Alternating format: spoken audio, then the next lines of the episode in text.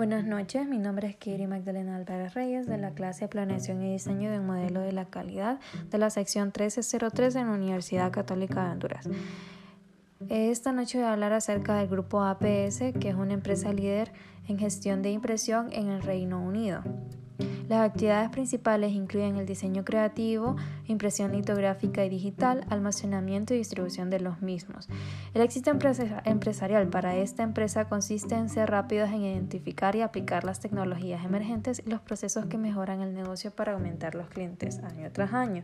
Desde que obtuvo la certificación al sistema de gestión medioambiental ISO 14001, la APS ha obtenido también la certificación del sistema de gestión de la calidad con la ISO 9001.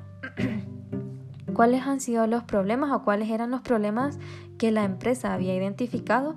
Pues la contaminación por dióxido de carbono, los residuos por vertederos y uso de materias primas y costos de gestión de residuos demasiado altos. Entre sus estrategias estaban, bueno, perdón, entre los beneficios eh, que ha sido mediante la obtención de la certificación ISO 14001, ha sido muy importante para APS el crecimiento continuo del negocio sin tener un impacto negativo en el medio ambiente, cosa que ellos han tratado de inculcárselo y de que sus empleados lo vean. El año pasado aumentó la facturación anual en un 30%, pero no a expensas del medio ambiente como se le hacía antes, o tal vez reduciéndolo, tratando de reducirlo lo más, lo, más que podía la empresa. Como resultado, los resultados medioambientales del año pasado equivalen a evitar al menos 70 toneladas de dióxido de carbono. Ha mejorado la cantidad de materias primas utilizadas durante el último año en un 4,1% y los residuos a vertedero han mejorado en un 22% en proporción al crecimiento.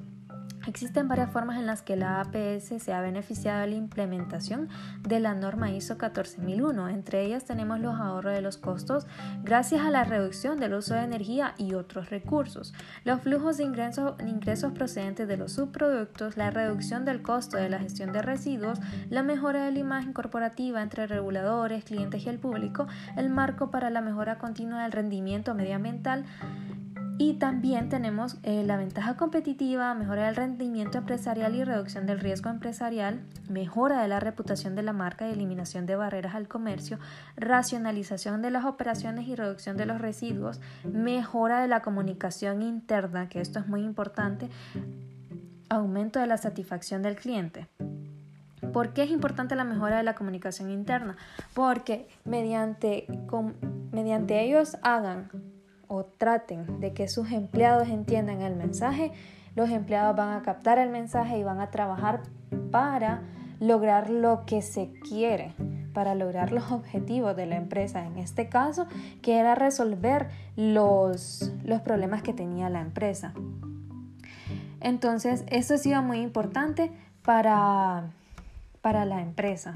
Todos estos todos estos han sido beneficios que la empresa obtuvo y pues con sus estrategias, estrategias internas, estrategias para mejorar los para eliminar los problemas que tenían o reducirlos, el impacto medioambiental que creaba la empresa y también la comunicación interna con sus empleados es algo muy importante que la empresa captó y pues gracias a todo esto es que obtuvo la, la certificación de la ISO 14001.